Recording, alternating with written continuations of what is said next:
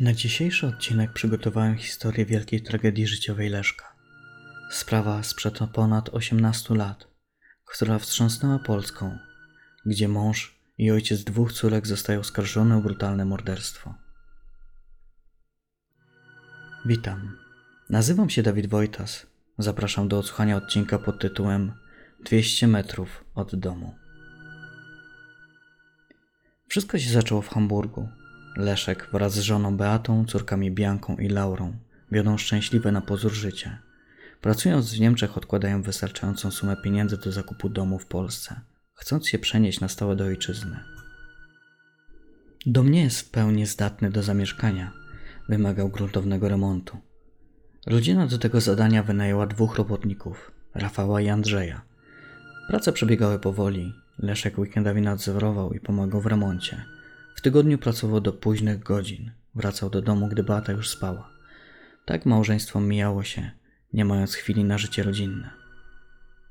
Pewnego dnia Leszek odnalazł poprzez komunikator gadu-gadu Urszulę. Nigdy wcześniej z nią nie rozmawiał, nie znał jej. Można powiedzieć, że była przypadkową kobietą, do której napisał. Tak rozpoczął się romans, który powoli doprowadzał do całkowitego rozpadu małżeństwa. Jak można się domyśleć, Beata nie była całą tą sytuacją zachwycona. Z relacji Leszka wynika, że utrudniała mu kontakt z córkami. Ciężko się dziwić takiemu zachowaniu kobiety. Poczuła się oszukana, została zdradzona, odrzucona. 18 lipca 2003 roku kontakt z Beatą się urywa. Mężczyzna uznał, że żona wyjechała z córkami i w ten sposób mieści się na nim, całkowicie ograniczając kontakt z dziećmi. Nie odbierała telefonu, tego dnia zadzwonił jeszcze do Rafała, pracownika, którego wynajęli do remontu domu. Powiedział. Beata zabrała dzieci. Wsiadła z nimi do samochodu i odjechała. Nie mówiła nikomu, dokąd jedzie. Miały dni i noce. Leszek miał kilka tropów, gdzie ich szukać. Jednak nie było ich ani w Poznaniu u brata Beaty, nie było jej też w Stanach, gdzie mieszkała jej matka. Pół roku, bez jakiejkolwiek informacji, gdzie mogłyby przebywać. Śledztwo policji nic nie dawało. Wynajęci detektywi również nie znaleźli śladu, o który można by się zaczepić. Gdy standardowe środki nie dawały cienia nadziei na odnalezienie, zwrócił się do jasnowidzów, również z marnym skutkiem. Jednak wciąż wierzył, że uda mu się odnaleźć żonę i dzieci. Przecież córki musiało już bardzo tęsknić za tatą. Myślał, że Beata w końcu odpuści i skontaktuje się z nim. Wciąż szukał i czekał. Z całego tego stresu i ciągłej niepewności wyjechał z Urszoną do Wisły. Zatrzymali się w hotelu, wynajęli narty, bywali na basenie. W pewnym momencie, wracając do pokoju hotelowego, odnajdują wzrokiem kilku postawnych mężczyzn w skórzanych kurtkach idących do windy, którą i oni mają wyjechać na piętro swojego pokoju. Kątem oka mężczyzna zauważa pistolet przy pasie jednego z mężczyzn. Pomyślał. Może to rosyjska mafia, ale chyba aż tak by się nie afiszowali z bronią na widoku. Uznał, że musiał mu się przywidzieć. Wsiedli do windy razem z grupą podejrzanych mężczyzn. Gdy winda wjechała na piętro, gdzie znajdował się ich pokój, byli spokojniejsi. Tymczasem mężczyźni wysiedli razem z nimi. Leszek nie wytrzymał tego napięcia, zapytał. A panowie w jakiej sprawie? Jesteśmy z policji. W tym momencie wyjaśniła się jedna rzecz. Leszkowi się nie wydawało. Byli uzbrojeni. Komenda wojewódzka w Szczecinie. Czy moglibyśmy wejść z panem do pokoju? Tak, o, oczywiście. Szczecin od Wisły dzieli wiele setek kilometrów. Prawdopodobieństwo, że przyjechali porozmawiać o niczym, jest zerowa. Ta sytuacja zastanawiała Leszka. Budził się w nim niepokój. To nie był jeden funkcjonariusz. Było ich co najmniej sześciu. Do tego uzbrojeni. Tylko co się mogło stać? W takich momentach, mimo iż możemy się domyślać, co się mogło wydarzyć, w jakiej sprawie policja mogła przejechać przez całą Polskę, tak odsuwamy pewne myśli, odsuwamy informacje o najgorszym. Jest pan zatrzymany na polecenie prokuratury okręgowej w Koszalinie pod zarzutem morderstwa żony i dzieci. Nie potrafił przyjąć tej informacji do siebie.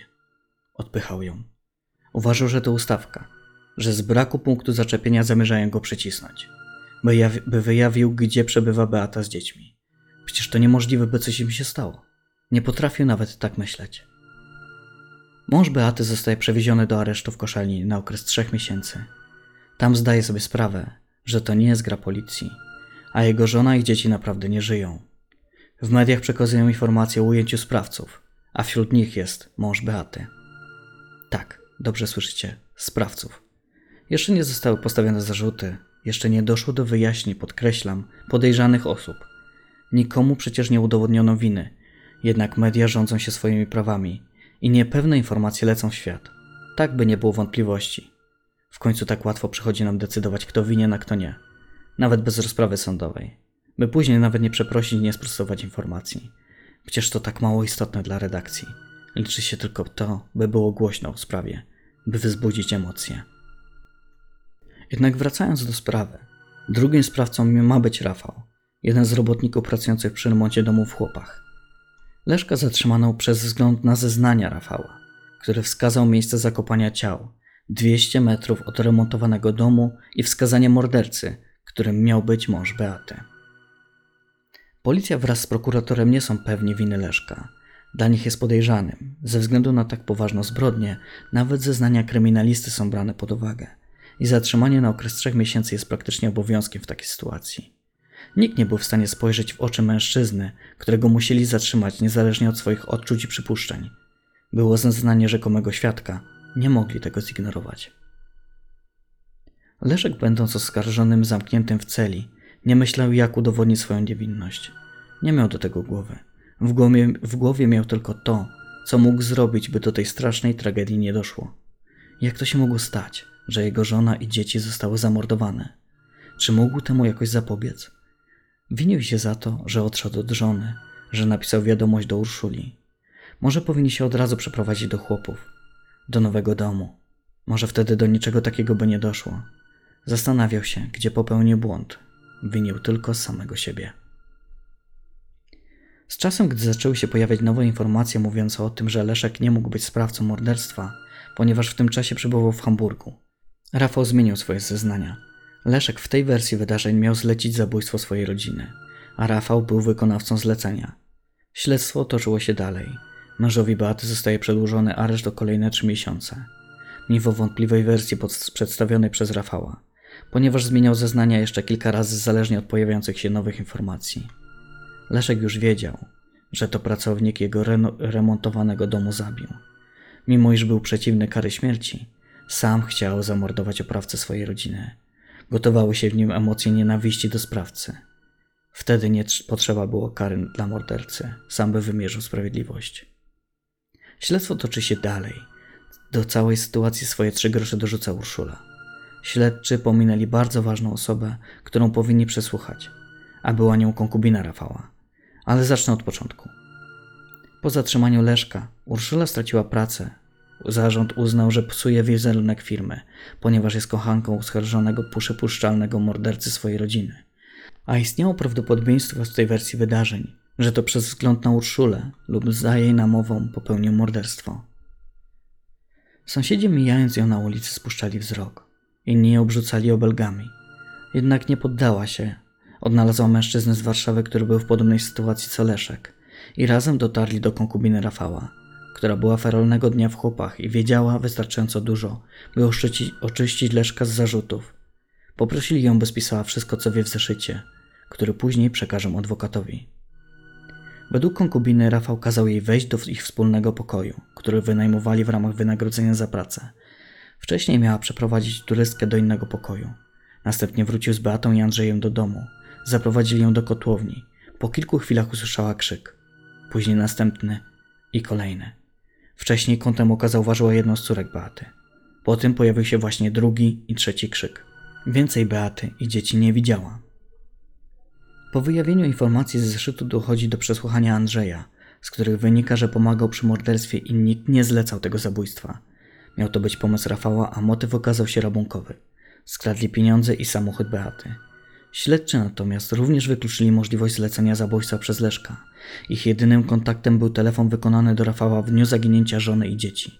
Wcześniej nie kontaktowali się ze sobą. W tej chwili śledczy, prokurator i sędzia zdali sobie sprawę z tragedii, jaka dotknęła Leszka. Zaginięcie żony i dwóch córek. Osiem miesięcy bez wiedzy, co się z nimi stało. Odnalezienie ich ciał, aresztowanie, pół roku w areszcie, zniszczona reputacja. Milczenie było jedynym, co w tej sytuacji mogli zrobić. nikt nie potrafił wydusić z siebie sensownego słowa. Leszek został wypuszczony z aresztu, odebrała go Urszula i zawiozła na miejsce odnalezienia ciał. Płakał. W tej chwili, mo- mimo oczyszczenia z zarzutów, był wrakiem człowieka, zniszczony psychicznie przez nieprawdziwe zeznania i utratę w tragiczny sposób swojej najbliższej rodziny. Rafał został skazany na dożywocie, Andrzej na 25 lat pozbawienia wolności za współudział w morderstwie dziewczynki. Ileż było takich spraw, nieprawdziwych zeznań, kłamstw winnych i oskarżania tych, którzy ze sprawą nie mieli nic wspólnego. Ileż osób przez media zawczasu zostało uznane za winne popełnionej zbrodni, mimo braku dowodów. Czy nie za szybko osądzamy innych?